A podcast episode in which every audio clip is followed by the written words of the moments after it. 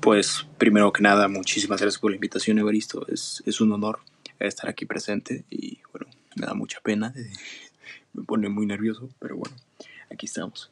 Bueno, aquí es donde me presento, ¿no? perdón, perdón, Evaristo. Bueno, soy Félix de la Torre. Eh, toda mi familia es española, pero yo soy el primer mexicano y la verdad me siento más identificado con la cultura mexicana que nada, ¿no? Eh, todo el mundo me llama Toto, pero no por la obscenidad española, sino por, por el polluelo de una película de huevos, una película 100% mexicana, la verdad, muy buena, muy, muy recomendable.